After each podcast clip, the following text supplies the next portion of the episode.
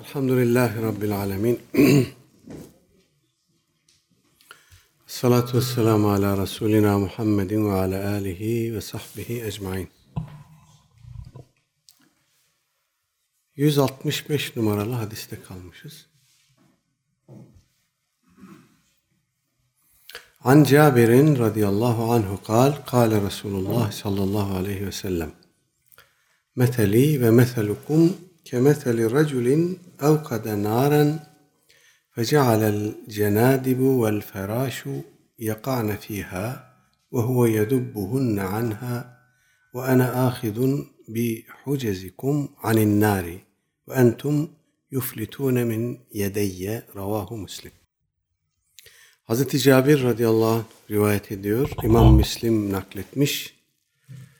Aleyhisselatü Vesselam Efendimiz buyurmuş ki benimle sizin meseleniz, benimle sizin durumunuz bir adam gibidir ki o adam evkade naren bir ateş yaktı. Fe cealel cenadibu vel ferashu ateşe pervaneler, böcekler üşüşmeye başladılar. Adamın yaktığı ateşe. Fe cealel cenadibu vel ferashu yaka'ne fiha ateşe üşüşüp ateşe düşmeye başladılar, atılmaya başladılar. Ve huve yedubbuhunne anha o ise onları ateşe düşmekten korumaya çalışıyor. Ve ene ahidun bi hucezikum anin nari işte ben de sizin sizi kuşaklarınızdan tutarak ateşe düşmekten engel oluyorum. Ateşe düşmenize mani oluyorum. Tutuyorum sizi. Ve entum tuflitune min yedeyye oysa siz benim elimden kurtulup ateşe atlamaya çalışıyorsunuz. Evet çarpıcı bir mesel gerçekten. Ee, ortada bir ateş var. Aleyhisselatü Vesselam Efendimizin de diğer peygamberlerin de görevi insanları bu ateşe düşmekten korumak. Ee, o böcekleri ateş nasıl çekiyorsa kendine efendim e, dünyada da ahirette de e, hüsrana uğramak, sıkıntı içine düşmek efendim insanlara süslü gösterilmiş. Daha evvel burada okumuştuk. Ee, insanı cehenneme sevk edecek olan amellerde bir cazibe var. Onların elbisesinde, kaportasında, dış görünüşünde bir çekicilik var, cazibe var. İnsanlar ona kapılıyorlar tıpkı ateşteki o böcekleri çeken cazibe gibi.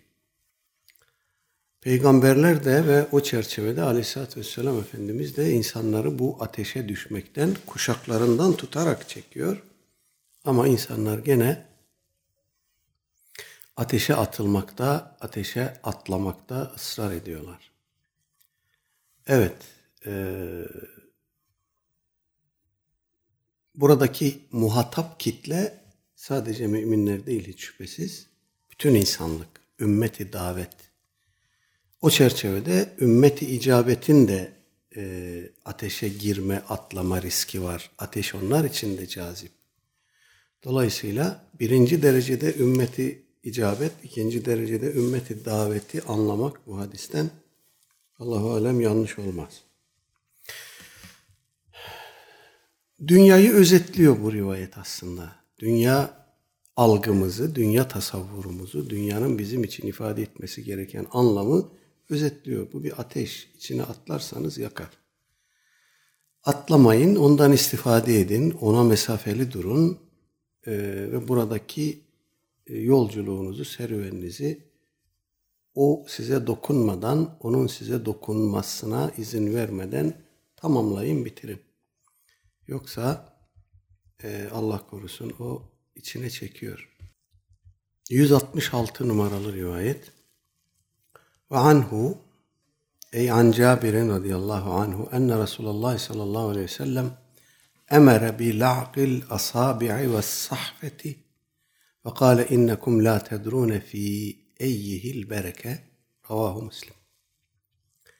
İmam Müslim rahimehullah nakletmiş. Gene Hazreti Cabir radıyallahu anh diyor ki enne Resulullah sallallahu aleyhi ve sellem emere bi la'qil asabi'i ve sahfa. Aleyhisselatü vesselam Efendimiz e, yemek yedikten sonra parmakları yalamayı ve yemek tabağını temizlemeyi, silmeyi emretti. Ve kâle buyurdu ki innekum la tedrûne fi eyyihil bereke bilmezsiniz bereket hangisindedir. Ee, bu elle yemek yeme mevzu da gene bizim e, modernistlerimiz için bir mesele.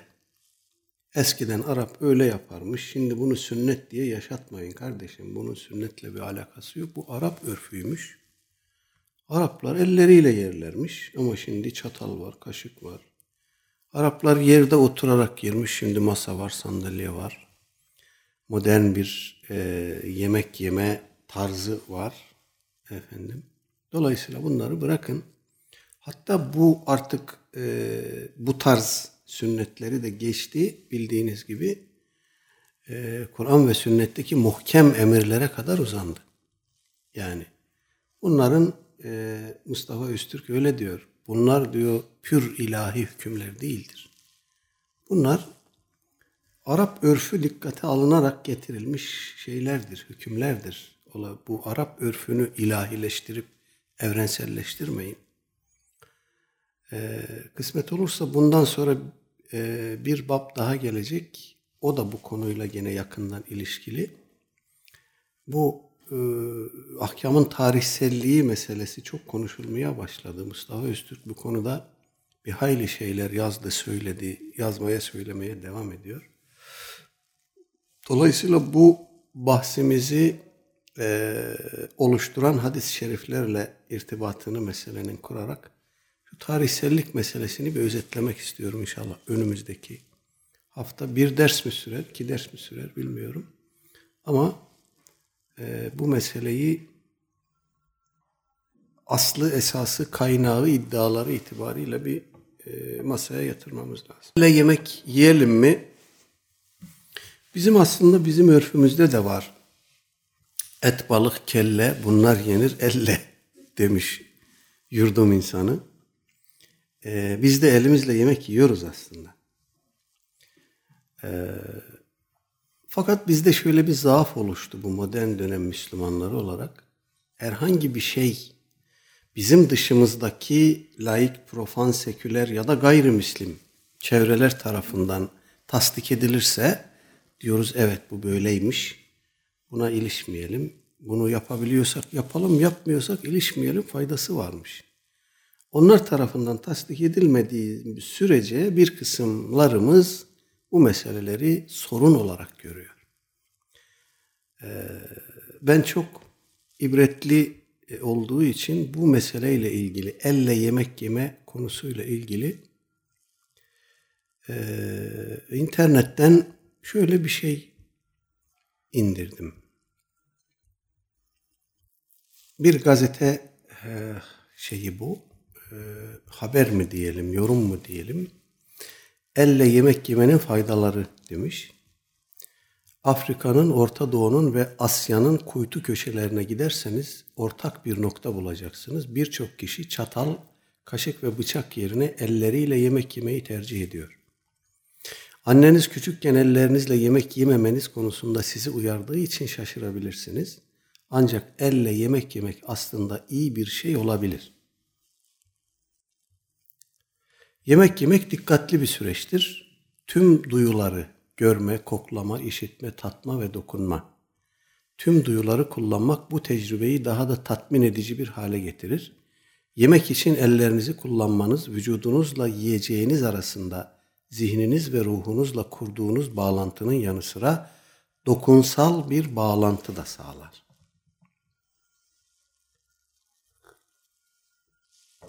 Bazı insanlar elle yemek yemeyi iğrenç bulabilir. Ancak birçok insan bunu rahat ve keyifli bir yemek tarzı olarak kabul ediyor. Ayrıca birçok yararı da var. İşte ellerinizle yemenin bazı faydaları. Elleriniz doğal bir sensördür. Bir kaşıkla veya çatalla yemek yiyip yemediğinizi doğrudan ağzınıza götürdüğünüzde zihniniz vaktinden önce yiyeceğin sıcaklığını veya dokusunu algılayamaz. Bu nedenle çok sıcak yiyeceklerle ağzınızı yakabilirsiniz. Ancak ellerinizle yediğinizde parmaklarınızdaki sinir uçları gıdanın sıcaklığını algılar ve dilinizin yanmasını engeller. Sinir uçları da beyninize ne yiyeceğinize dair bir sinyal gönderir. Bu yiyeceklerinizi daha iyi tatmanıza yardımcı olmak için uygun sindirim suları ve enzimlerin salgılanmasını tetikler. Ellerinizde iyi ve kötü bakteriler vardır. İyi bakteriler sizi çok çevre, sizi çevredeki birçok zararlı mikroptan korur. Bir kaşık ve çatalla yemek yediğinizde bu bakteriler bağırsağınıza ulaşmaz. Öte yandan elle yediğiniz yendiğinde parmaklardan gelen flora ağza geçer ve yutulur. Farklı vücut bölümlerine gider. Bu da bağırsaktaki sağlıklı sindirimi destekler ve bağırsaklardaki zararlı bakterilerin oluşmasını önler. Ayrıca yemeğe ellerinizle dokunduğunuzda zihninize sindirim suları ve enzimlerin salınması için bir sinyal gönderirsiniz. Yiyecek türüne bağlı olarak zihin daha iyi sindirim için gerekli metabolizmanın buna göre ayarlanmasını sağlar. Sağlıklı bir vücut ve zihin için sağlıklı bir sindirim sistemi önemlidir. Çatalları ve kaşıkları kullanarak yemek yemeyi daha kolay ve hızlı hale getirebilirsiniz. Fakat bu aynı zamanda vücudunuzda kan şekeri dengesizliklerine yol açar. Bilmem doktorlar ne der bu işe. Evet. Dolayısıyla tip 2 diyabet riskinizi artırabilir. Hızlı yeme diyabet riskini artırır. Ancak ellerinizle yiyerek riski azaltabilirsiniz. Ellerinizi kullanırken ağzınıza daha az yiyecek koyarsınız. Yavaş yemek daha iyi bir sindirimi sağlar ve beyninize midenizin dolduğunu bilmesi için zaman verir. Böylece daha az yemek yersiniz. Çatal bıçakla yemek yemek bir çeşit mekanik işlemdir. Ne yediğinize ve ne kadar yediğinize dikkat etmezsiniz. Ayrıca televizyon izlemek, cep telefonunuzu kontrol etmek veya gazete okumak gibi yemek sırasında dikkatinizi dağıtan eylemleri kolaylaştırmanıza sebep olur. Yemeğe dikkat etmemek daha çok yemek yenmesine neden olur.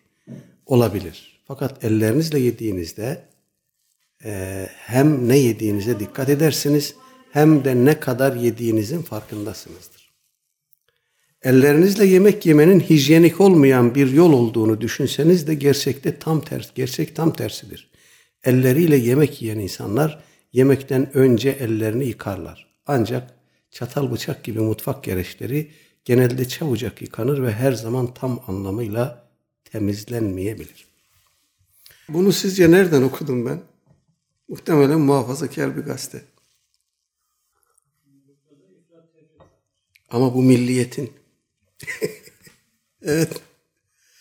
Milliyet gazetesinin e, Pembe Nar TV diye bir eki var.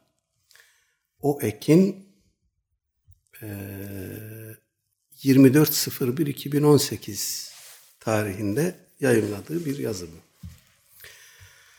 Evet yani e,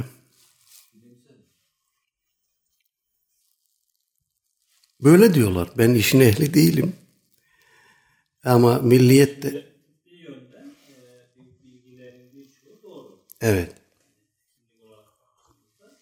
Ama yani bunu elle yemeye e, ilintilemek biraz da yemek kan şekerini yükseltmesi açısından, sindirim açısından, eldeki flora bakteriler onlar doğru bilgiler yani yanlış Evet. bilgiler değil ama yani bunu elle yemekle e, e, kaşıkla çatalla yemekin bir, birleştirilmesi biraz ifrat tefrit olur. Hmm. Yani bu elle yemeği e, savunmak için biraz fazla zorlanmış yorum gibi geliyor bana. Evet.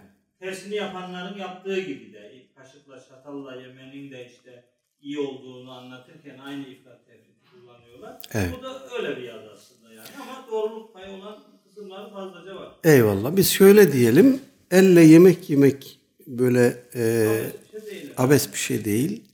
Efendim ülkellik değil. Medeni insanlar da elle yemek yiyebilir. Hatta bazı yemekler elle yenirse daha iyi olur. Şimdi işte lahmacun yiyorsunuz, pide yiyorsunuz. Şimdi modernistlerimiz, modernlerimiz pizzayı tercih ediyor. E bunu böyle çatalla filan kesip bıçakla böyle yemiyorsunuz. Alıp dilim dilim elinizle yiyorsunuz. Sonuçta bunun çağdaşlıkla falan bir ilgisi yok. Esasen çağdaşlık denen şeyin kendisi bizatihi e, anlamını, tarifini, muhtevasını kişiden kişiye, çevreden çevreye, kültürden kültüre değişik bir şekilde alabilen bir şey. Dolayısıyla bu meseleye e, ön yargılı bakmayalım. Yani buradan anlamamız gereken şey bu. E, sağlıktır, sıhhattir falan filandır. Tamam biz e, bunların bu faydalarını bilmesek bile Efendimiz Aleyhisselatü Vesselam öyle yaptığı için öyle yapılmasının doğru olduğunu düşünürüz. Eee biraz onu e, öngöre bahane uydurması daha kolay. Yanlış mı?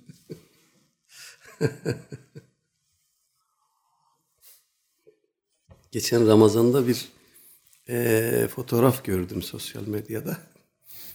Ortalarda büyük büyük böyle siniler, üstü dolu böyle tepeleme.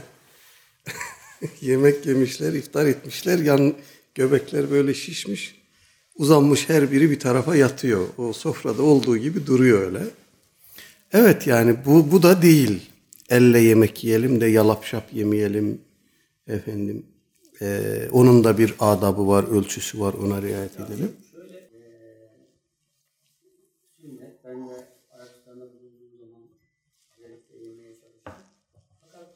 İmam-ı Azam'ın e, hatta İmam Şafii'nin bile bu bazı e, İmam genel bir fetva vermesine rağmen deniz ürünleri ilgili o bile e, bulunduğu yörede bir tiksinti meydana getiriyorsa onu yemek mekruhtur. Orada yemek. Dolayısıyla sen böyle yediğin zaman eğer düzgün bir şekilde eliyle yiyebiliyorsan ama böyle yağlar buradan akarsa o zaman karşı taraftaki şeye yaparsan bu mekruh bile olabilir. zaten. Evet. Onun da adabı var. Şimdi onu söyleyecektim ben.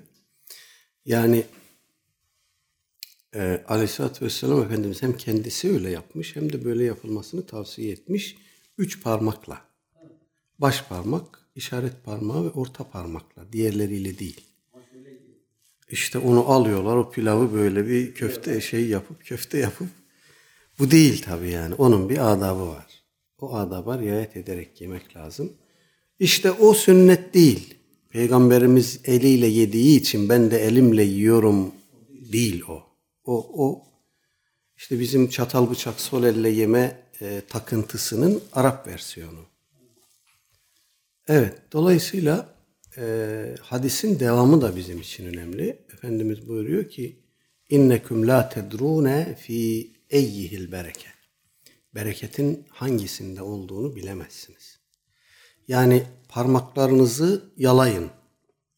Hangi parmakta bereketin hangi parmakta olduğunu bilemezsiniz. Yani pa- parmakların ucunda kalan yemek artıkları olur, yağ olur vesaire olur.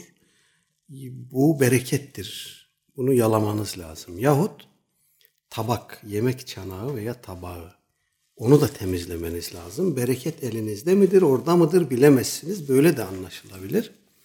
Dolayısıyla yemek eee, elimizi silmeden önce, yıkamadan önce parmakları yalamak efendim eee, sünnet. Zevait sünnetlerden. Sağ elle yemek yemeyi geçen hafta da zannediyorum değinmiştik buna. Zevait sünnetten olduğu için genellikle ulema müstehap görmüş. Efendim eee, mazeretsiz terk edilmesini doğru bulmamış. Ama mazeret varsa, kişi yiyemiyorsa vesaire ise eee, bağlayıcı değil. Bir diğer eee, husus daha var. Hadisin devamında göreceğiz onu şimdi. Ve fi rivayetin lehu İmam Müslim'in gene rivayetinde Aleyhisselatü Vesselam Efendimiz devam ediyor. İza vakaat lukmetu ahadikum birinizin lokması yere düştüğünde felyahudha onu alsın. Hemen alsın. Ee, Fel yumit ma kâne biha min eden üzerindeki e, yerden ona bulaşmış olan tozu, toprağı, pisliği gidersin ve liyekulha ve onu yesin. ve la yeda'ha şeytan onu şeytana terk etmesin. Ee, demek ki yere yediğimiz bir şey elimizdeki bir ekmek parçası, bir ne bileyim işte yemek lokması düştüğünde tabii ki o eğer tamamen yere efendim e, geçmiyorsa, bulaşmıyorsa, sulu vesaire bir şey değilse patates yiyordu mesela patates yiyorsunuz parça düştü yere alıp üzerindekini giderip yemek lazım. Efendimiz bunu böyle tavsiye etmiş. Ee, bu mikrop oldu bunu bırakalım terk edelim demeyin buyurmuş Efendimiz. Ve onu da e, şeytana terk etmek olarak ifade buyurmuş.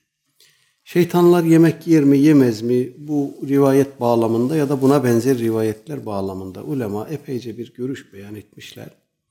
Ama Allahu alem buradaki kasıt o yere düşen şey Allah'ın nimetidir.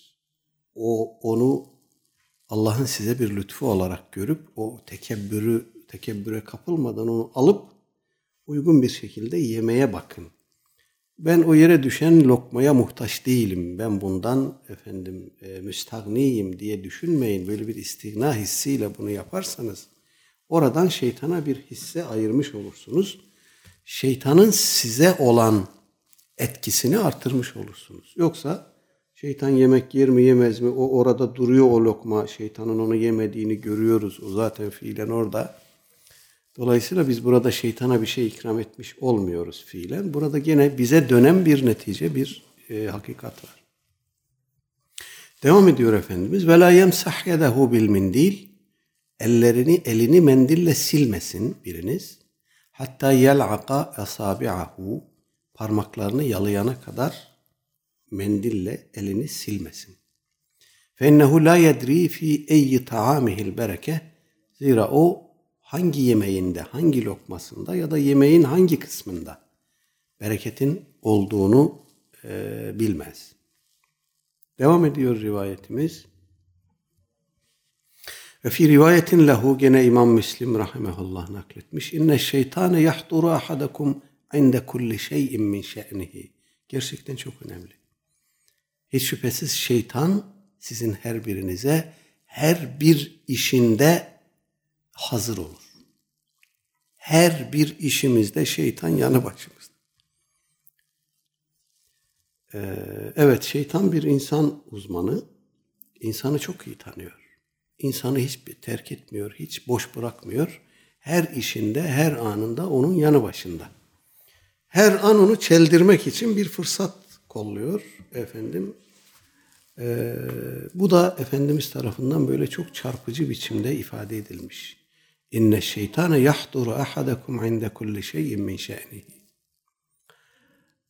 Hatta yahdurahu inde taamihi. Yemek yerken bile şeytan onun yanındadır. Bakar, gözetler, kollar bir fırsatı çıksın, düşsün de efendim bunu e, çeldireyim, bunu efendim tökezleteyim diye. Ve izâ sakatat min ahadikumul lokma birinizin elinden lokma düştüğü zaman fel yumit ma kâne biha min eden üzerindeki o e, tozu toprağı pisliği gidersin fel yekulha ve onu yesin ve la yadâha şeytan onu şeytana terk etmesin.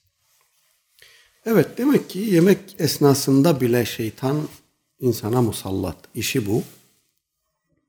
Ve sadece yemek esnasında değil her işimizde. Bunu hakikaten insan sürekli böyle e, bilincinde tutabilse e, bir şey konuşacakken kendini tutabilir. Bir şey yapacakken yapmayabilir. Kendisine mani olabilir. Bunun şeytanın hoşuna giden bir şey olup olmadığını tefekkür etse mesela e, tabii zor bir şey hakikaten. İnsanın hayatın her anında 24 saatin her karesinde attığı her adımda, söylediği her sözde, yaptığı her işte şeytandan mı değil mi diye muhasebe ederek yapması zor bir şey. Ehlullah'ın işi bu ancak. Elbette tabi tabi. Evet. İşte bu murakabe bahsi geçti daha evvel Riyazu Salih'in. insanın otokontrol li bırakmaması, Allah Teala'nın kendisini her an görüp gözetlediğini bilmesi, yanı başında bir de çeldiricinin bulunduğunu unutmaması evet son derece önemli. 167. E, hadis An İbn Abbas radıyallahu anhuma kal Kâme fînâ Resulullah sallallahu aleyhi ve selleme bimev'izetin fekal Ya eyyühen nas innekum mahşurûne ilallah teâlâ hufaten uraten غرلا كما بدأنا أول خلق نعيده وعدا علينا إنا كنا فاعلين. ألا وإن أول الخلائق يكسى يوم القيامة إبراهيم عليه السلام. ألا وإنه سيجاء برجال من أمتي فيؤخذ بهم ذات الشمال فأقول يا رب أصحابي فيقال إنك لا تدري ما أحدثوا بعدك. فأقول كما قال العبد الصالح وكنت عليهم شهيدا ما دمت فيهم إلى قوله العزيز الحكيم فيقال لي إنهم لم يزالوا مرتدين على أعقابهم منذ فارقتهم متفق عليه İmam Bukhari ve Müslim rahimehumallah müttefikan nakletmişler. İbn Abbas Hazretleri rivayet ediyor. Diyor ki Kâme fînâ Resulullah sallallahu aleyhi ve sellem bi mev'izetin. Efendimiz aleyhissalatü vesselam bir gün aramızdan aramızdayken ayağa kalktı ve bir e, mev'izede bulundu, bir sohbette bulundu, hitabede bulundu. Fekale buyurdu ki Ya eyyühen nas, ey insanlar innekum mahşurune ilallahi teala hufaten, uraten, gurlen. Hiç şüphe yok ki siz Allah'a yalın ayak, çıplak ve sünnetsiz olarak haşrolunacaksınız. Kema beda'na evvele halqin nu'iduhu va'den aleyna inna kunna fa'ilin. Enbiya suresinin 104. ayeti. Tıpkı e, yaratışa, yaratmaya ilk başladığımız gibi onu iade edeceğiz, yeniden yapacağız. Vaden aleyna bu bizim bir vaadimizdir, sözümüzdür. İnna kunna failin.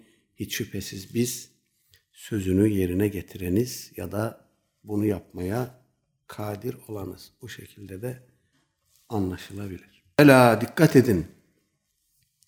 Ve inne evvelel halaiki yuksa yevmel kıyameti İbrahim aleyhisselam.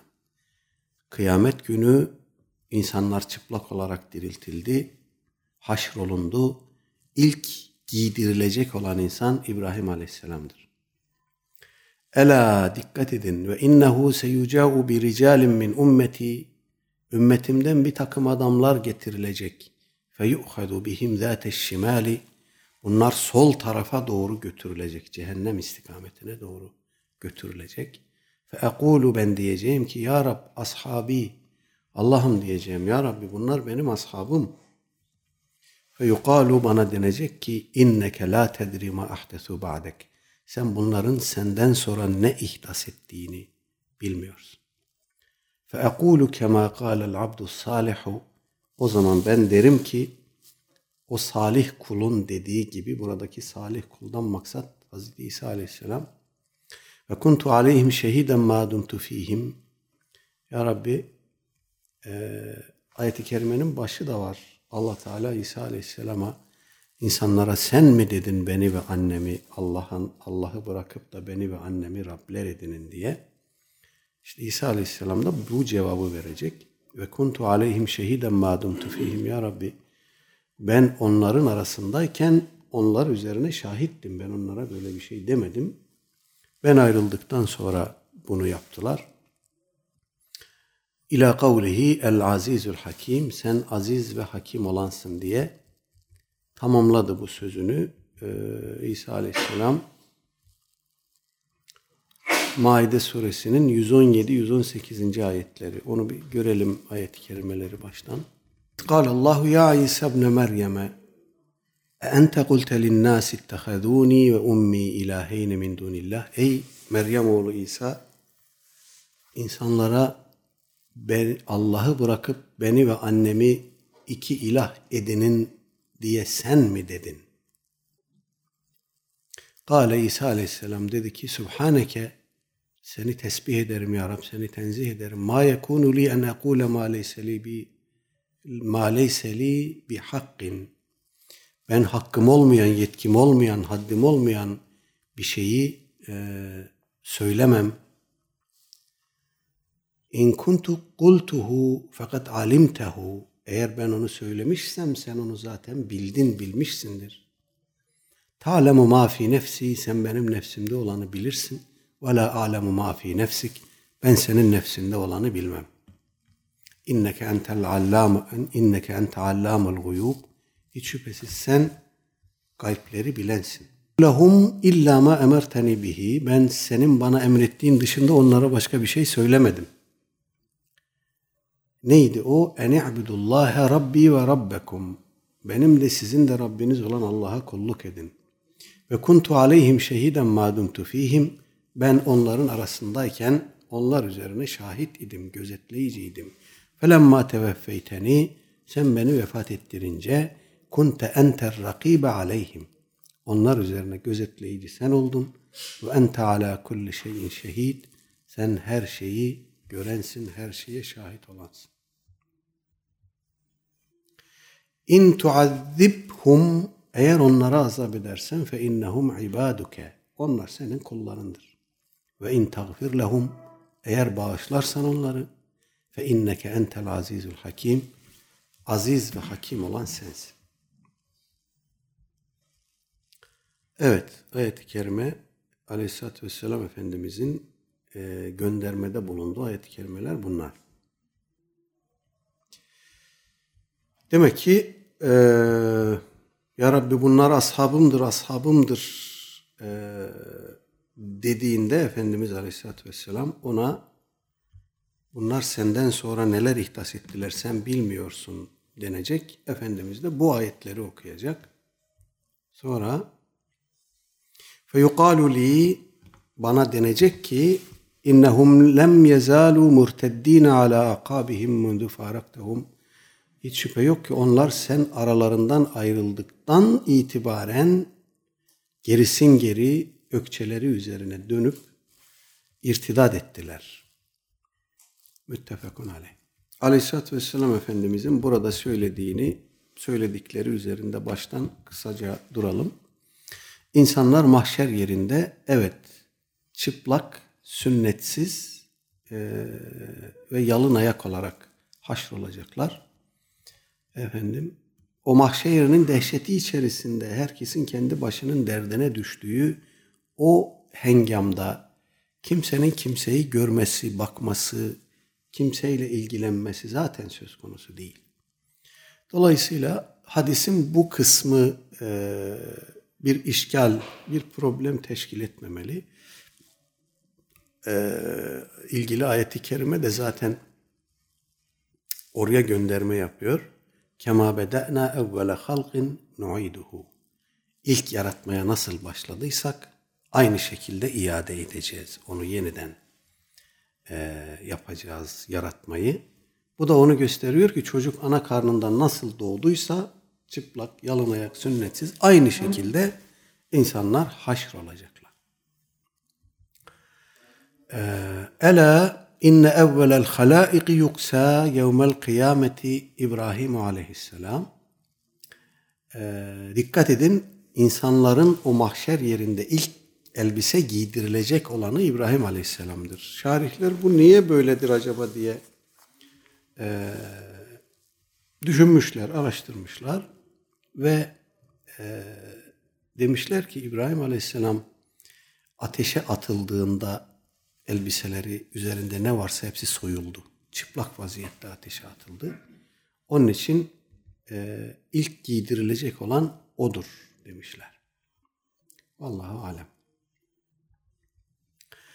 Efendim, ela gene dikkat edin bir vurguyla dikkatimizi Efendimiz gene e, toplamamızı istiyor ve buyuruyor ki ve innehu yuca'u bi ricalin min ümmeti ümmetimden bir takım adamlar getirilecek yuhadu bihim zâteş şimali ve alınıp sol tarafa doğru cehennem istikametine sevk edilecek. Ekulu ya Rabbi ashabi ben Allah'ım ya Rabbi bunlar benim ashabım diyeceğim.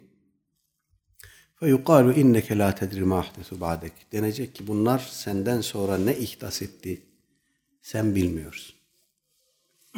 Ee, geçen haftaki e, sohbette buraya bir işarette bulunmuştuk. Göndermede bulunmuştuk. E, şimdi biraz açalım bunu. E, bilhassa Şia bu rivayeti de kullanarak, istismar ederek Efendimiz Aleyhisselatü Vesselam'ın ashabının birkaç kişi dışında Efendimiz'den sonra irtidat ettiğini söylüyor. İşte bu da delilidir diyor. Sizin kaynaklarınızda var. Efendimiz onları ashabı biliyor. Bunlar benim ashabım diyor. Cehenneme bunları götürmesinler. Ama Allah Teala buyuruyor ki onların senden sonra ne ihdas ettiğini sen bilmezsin. Bu rivayet Şia'ya delil olur mu? Birkaç açıdan olmaz. Birincisi sahabe-i kiram Peygamber aleyhissalatü vesselam Efendimiz'den sonra dinin aslını, özünü ciddi biçimde etkileyecek, onu dönüştürecek biçimde ne ihdas ettiler? Dinde olan bir şeyi mi dışarı attılar, olmayan bir şeyi mi içeri aldılar veya mevcut bir şeyi mi değiştirdiler, ne yaptılar? Burada söylenecek olan en fazla şudur. Peygamber Efendimiz'den sonra nübüvvet bitince arkasından imamet başladı. İş başına Ali'nin gelmesi gerekiyordu. Onlar bu hakkı ondan esirgediler. Ee, ve Ali'yi halife olarak tanımadılar. Bu hakkı gasp ettiler. Burada Şia'nın kendi kendisiyle bir çelişkisi var. Şimdi biz Hazreti Hasan Efendimiz hilafeti Hazreti Muaviye'ye devrettiğinde ne yapmış oldu dediğimizde diyorlar ki imamet ayrı şey, hilafet ayrı şey. Bir imamın imametinin devam etmesi için illa onun halife olması gerekmez. Hilafet olsa da olur, olmasa da olur bir şeydir. Nitekim 12 imamdan Hazreti Hasan ve Hazreti Ali dışında hiçbirisi hilafet görevinde bulunmadılar. Ama onlar imam gene. E o halde diyoruz sahabeden herhangi birisi Hazreti Ebubekir, Hazreti Ömer, Hazreti Osman'a beyat etmekle Hazreti Ali'nin imamet hakkıyla ilgili bir tasarrufta bulunmadı. İmamet, hilafeti madem ki gerektirmiyor onun ayrılmaz bir parçası değil. O halde Hazreti Ali için de bu böyle olmalıdır. Kaldı ki Hazreti Ali de onlara beyat etti. Hazreti Ebu Bekir'e de, Hazreti Ömer'e de, Hazreti Osman'a da beyat etti kendisi. Dolayısıyla eğerin, eğer onların ihdas ettiği bid'at, onların mürtet yapan, dinden çıkaran bid'at buysa, bunun içinde Hazreti Ali de var, ehli beyti de var. Aleyhisselatü Vesselam Efendimizin hiçbir akrabası bu üç, ilk üç halifeye beyattan geri durmadılar. Kureyş oğul, Kureyşler böyle, Haşimoğulları böyle, Muttalib oğulları böyle, hepsi böyle. Hiçbirisi o ilk üç halifeye beyattan geri durmadı. Dolayısıyla bu kastedilmiş olamaz. İkinci bir husus, ee, Aleyhisselatü Vesselam Efendimiz vefat ettiğinde efendim ashabın sayısı 110 bin, 120 bin civarına ulaşmıştı. Veda hutbesinde bu kadar insanın, veda haccında bu kadar insanın bulunduğu söyleniyor, rivayetlerde aktarılıyor. Bunların önemlice bir kesimi, bu 120 bin, 110 bin, 120 bin insanın önemlice bir kesimi Hz. Ebu Bekir radıyallahu anh'ın hilafetinde irtidat ettiler, dinden çıktılar. O ridde olayları bu yüzden yaşandı. Yani Medine, Mekke bir de Taif dışında neredeyse bütün Arabistan Yarımadası irtidat etti. Dinden çıktı. Hazreti Ebu Bekir radıyallahu anh'ı iki sene, iki buçuk sene boyunca uğraştıran çok e, şiddetli, çok dehşetli savaşlar oldu gerçekten. E, işte irtidat edenler bunlar. Bu, bu ehli ridde dediğimiz insanlar. Bunlar da grup grup. Bir kısmı Müseylimetül Kezzab gibi, Secah gibi yalancı peygamberlere inandılar. Onlar da peygamberdir dediler. Onların arkasından gittiler. Bir kısmı Hz. Ebu Bekir'e zekat vermekten imtina etti. Bu dediler Peygamber aleyhissalatü vesselama mahsus bir ibadetti. Biz zekatı sadece o hayattayken ona vermekle mükelleftik. Şimdi artık bu mükellefiyet kalktı. Dolayısıyla biz sen, sana zekat vermeyeceğiz. Bunun üzerine bunlara mürtet muamelesi yapıldı. Dikkat edin. Yani dinin hiçbir emrini inkar etmiyorlar. E, amentünün hiçbir ilkesinde problemleri yok. Zekat dışındaki diğer bütün mükellefiyetleri yerine getiriyorlar. Ama sadece zekatın bugünün tabiriyle tarihsel olduğunu düşünüyorlar. Bunlar mürted oldu ve bunlara mürted muamelesi yapıldı. Kendilerine göre bunların tevili de vardı. Efendimiz Aleyhisselatü Vesselam'a hitap var çünkü huz min emvalihim sadaka. Onların mallarından onları temizleyeceğin bir zekat al. Bu emir Hazreti Peygamber'e yöneliktir. Dolayısıyla zekat alma yükümlülüğü de yetkisi de ona aittir diyorlar. Ondan sonra bu yükümlülük ortadan kalktı. Baktığınızda bugünkülerin tevilinden çok da zayıf, çok da e, gayrı makbul bir tevil değil. Ama sahabe-i kiram icma ile bunu irtidat kabul etti. Hazreti Ebu Bekir dedi ki Allah'a yemin olsun ki Allah Resulüne verdiğiniz bir ip parçasını bile benden esirgerseniz sizinle harp ederim. Biliyorsunuz Hazreti Ömer önce bu işe karşı çıktı. Bunlar la ilahe illallah diyor dedi. Bunlarla nasıl savaşacaksın? Hazreti Ebu Bekir orada Hazreti Ömer'in zihnini, ufkunu açtı. Allah ikisinden de razı olsun. İşte bunu da biz e, Mustafa Öztürk'e yine bir gönderelim burada. E, Hazreti Ömer'le ilgili olarak diyor ya hani o büyük fotoğrafı görmüştü. Allah'ın muradını kavramıştı. Cüz'i meselelerle uğraşmıyordu. İşte müellefe-i kulüba zekat vermedi, şu oldu, bu oldu bir takım şeyler var. Bunlar üzerinde durmuştuk daha önce. İşte burada da Hazreti Ömer'in muhalefetini görüyoruz. Hazreti Ömer büyük fotoğrafı senin dediğin anlamda kavramış birisi olsaydı Allah'ın muradını, maksadını senin dediğin gibi kavramış birisi olsaydı bu ve benzeri birkaç konu daha var. Buralarda e, muhalif durumuna düşmezdi. Değil mi? O bir insan. Evet son derece basiretli, son derece keskin görüşlü, son derece firasetli bir insan, bir büyük sahabi ama neticede bir insan. Yanılabiliyor. Allah'ın büyük muradını kavradı, büyük fotoğrafı gördü falan diye onu beşer üstüleştirmeyin. Yani bu ümmetin bazı kesimleri Hazreti Peygamber Aleyhisselatü Vesselam hakkında ona tazimde biraz sana göre abartı yaptı diye diyorsun ki siz peygamberi beşer üstüleştirmeyin, ilahlaştırmayın. O bir insandı. Ama sen bunu yaparken Hazreti Ömer'i beşer üstüleştiriyorsun. Allah'ın niyetini, muradını kavramıştı diyorsun. Tabi, tabi, tabi. Değil, değil, değil. Hiçbirisi öyle değil. Evet, dolayısıyla bu mürtetlerle ilgili şey budur. Ee, Aleyhisselatü Vesselam Efendimiz dünyadan ayrılmadan önce bunları ashabı biliyordu. Daha sonra bunlar Efendimizin vefatının ardından irtidat ettiler. Efendim e, ve Aleyhisselatü Vesselam Efendimiz de ben de o durumda o salih kulun dediğini derim diyeceğim buyurdu ve kuntu aleyh ve kuntu aleyhim şehiden ma dumtu fihim ayetini sonuna kadar okudum. Fe yuqalu li bana denir ki innehum lem yezalu murteddin ala aqabihim mundu faraktahum sen onlardan ayrıldıktan sonra o andan itibaren onlar ökçeleri üzerine gerisin geri mürtet oldular, irtidat ettiler. Evet 168 numaralı rivayet.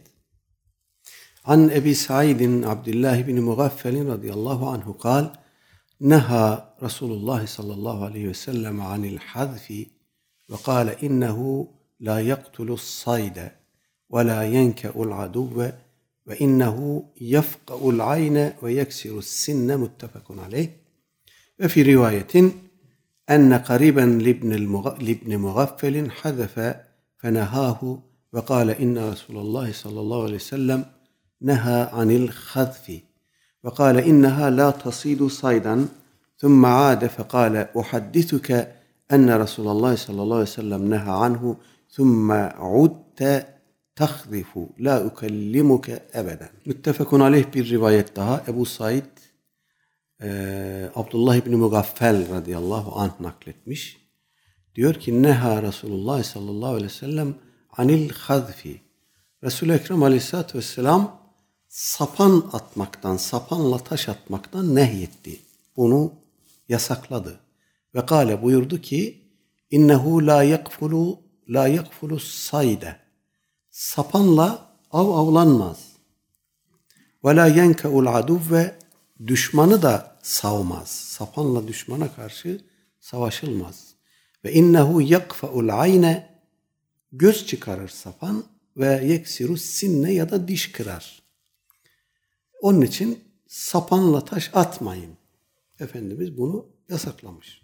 Ve fi rivayetin bir rivayette şöyle gelmiş. E, bu rivayetin başka bir varyantı demek. Bu enne kariben libni mugaffelin hadefe hadefe Abdullah ibn Mugaffel radıyallahu anh'ın bir yakını, bir akrabası sapanla taş attı. Sapan e, kullandı. Efendim fenehahu o da bunu yasakladı. Bunu yapma dedi. Onu bundan men etti. Ve kâle inne Resulullah sallallahu aleyhi ve sellem e, neha anil hazfi. O onu men ederken dedi ki aleyhissalatü vesselam Efendimiz sapan kullanmayı yasakladı. Ve kâle inne inneha la tasidu saydan ve buyurdu ki bu sapan av avlamaz. Sümme ade fakat o kişi tekrar sapanla işte kuş vesaire avlıyor demek ki. Tekrar sapanla taş atmaya başlayınca Abdullah İbni Mugaffel ona dedi ki radıyallahu anh Uhaddisuke enne Resulullah sallallahu aleyhi ve sellem neha anhu. Ben sana aleyhissalatü vesselam Efendimiz bunu yasakladı diyorum. Sümme udte sense buna geri dönüyorsun. Bunu tekrar yapıyorsun. Efendim la ükellimuke ebeden. Artık seninle bir daha konuşmayacağım. Evet sapan kullanmak caiz midir? Caizdir. Ee, hele Filistin'deyseniz bu caiz olmaktan çıkar, vacip olur. Başka silahınız yoksa düşmana karşı bununla etkili biçimde mücadele ediyorsanız e, bu eğlence için. Burada Aleyhisselatü Vesselam Efendimizin yasakladığı şey eğlence için. Eğlencelik olarak sapan atmak. Efendim. Ee, burada Abdullah İbni Mugaffel radıyallahu anh'ın tavrı önemli. Ben sana aleyhissalatü vesselam Efendimiz bunu yasakladı diyorum. Sen gene yapmaya devam ediyorsun. Vallahi bundan sonra seninle konuşmayacağım.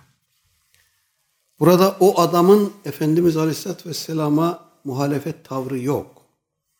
Bu insanı küfre sokar Allah korusun. O aleyhissalatü vesselam Efendimiz bunu işte tehlikelidir. Birinin gözü çıkar, birinin dişi kırılır falan e, dikkat edin bunu yapmayın şeklinde anladı. Bunu e, o yüzden önemsemedi. Efendim. Ve devam etti. Fakat İbn-i Mugaffel radıyallahu anh'ın tavrı önemli. Efendimiz Aleyhisselatü Vesselam'ın bir fiiline, bir yasağına, bir emrine karşı bu, bu şekilde mübalağatsız, bu şekilde dikkatsiz, ilgisiz, aldırışsız davranmak bir daha ebediyen e, konuşmamak şeklinde İbn-i Mugaffel'de e, karşılığını bulmuş. Allah ondan razı olsun. Abdullah İbni Mugaffel radıyallahu anh daha evvel Tebük Savaşı ile ilgili uzun bir rivayet okumuştuk hatırlarsanız geçen sene.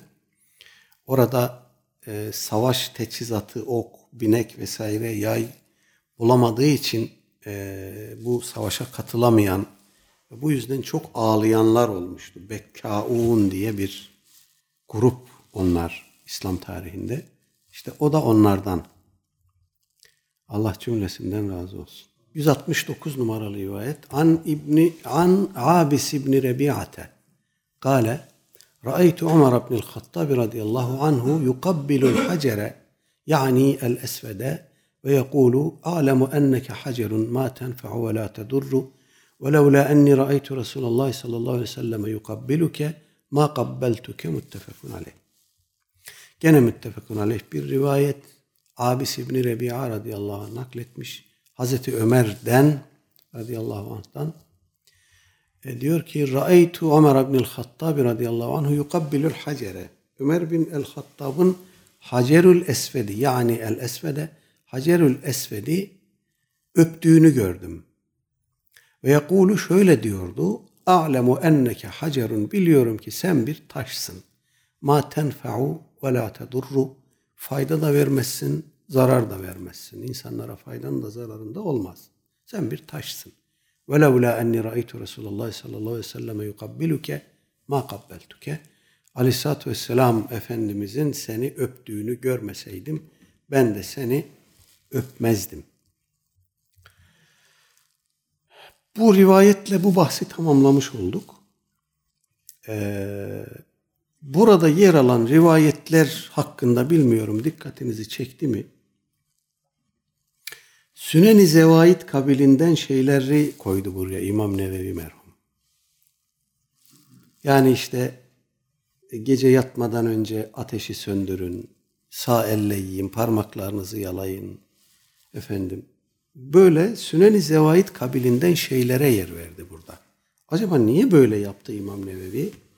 Bizim bugünkü gündemimize baktığınızda Efendimizin sünnetiyle ilgili çok daha ciddi, çok daha temel başlıklarımız var, problemlerimiz var. İmam Nevevi işte ateşi söndürmekle uğraştı. İmam Nevevi sünnetten bunu mu anlıyordu acaba? Hayır, böyle anlamıyordu. İmam Nevevi'nin yaşadığı dönemde ümmetin de İmam Nevevi'nin de sünnet diye, sünnete ittiba diye, hadisin sünnetin bağlayıcılığı diye bir gündem yoktu. Bu tabiiyattandı yani. Ben durup dururken aleyhissalatü vesselam Efendimizin sünneti bağlayıcı mıdır değil midir bunu niye tartışayım ki? Böyle bir gündemim yok ki benim o zaman. Bu meseleyi İslam ümmeti hicretin ilk asırlarında konuştu. Bu öyle veya böyle gündeme geldi, konuşuldu, tartışıldı, bitirildi ve ümmet işine baktı. Ondan sonra fethe baktı, gazaya baktı, kültür oluşturdu, medeniyet kurdu, şehirler kurdu, müesseseler kurdu. İşine baktı, misyonuna baktı. Yani bunu bir kalıcı gündem olarak tutması için bir sebep yoktu. Dolayısıyla İmam Nevevi Rahimahullah'ın bu tavrında da bizim için büyük bir ders var. Ee, eğer alimleri, zamanlarını, dönemlerini, tutumlarını iyi tanırsak, eserlerini nasıl oluşturdukları, oluşturdukları konusunda da e, onun felsefesi, onun ruhu, onun anlamı konusunda da ciddi bir neticeye ulaşabiliriz ki mesele budur. İmam Nevevi merhum böyle bir gündemi yoktu. Çünkü ümmetin böyle bir gündemi yoktu. Biz bugün bir Riyazu Salihin yazacak olsak, sünneti korumak diye de bir başlık atacak olsak herhalde bunları yazmayız. Daha temelli Kur'an sünnet ilişkisi, ümmet peygamber ilişkisi vesaire bunları yapacağız. Çünkü maalesef bizim gündemimiz bu. Bizim gündemimiz bu olduğu için de bir gıdım ileri gidemiyoruz. Kendi içimizde kendi kendimizle boğuşmakla meşgulüz. Kendi bindiğimiz dalı kesmekle meşgulüz. Dolayısıyla ümmeti Muhammed'in de durumu ortada. Evet, bundan sonraki bahsimiz e, Allah'ın hükmüne boyun eğmek diye çevirebileceğimiz bir e, bahis. Çok kısa bir bahis ama ben başta da dediğim gibi bunu vesile edinerek buradaki ayet ve rivayetleri okuduktan sonra şu tarihsellik meselesini bir gündeminize, huzurunuza getirmek istiyorum. Beraberce bunu bir müzakere edelim. Bu adamların derdi ne, niye böyle düşünüyorlar, delilleri ne, dayanakları ne? Yani evet bunları inşallah bir e, özet halinde aktaralım. Sallallahu ala seyyidina Muhammedin ve ala alihi ve ashabihi ecmain. Elhamdülillahi Rabbil alemin. El Fatiha.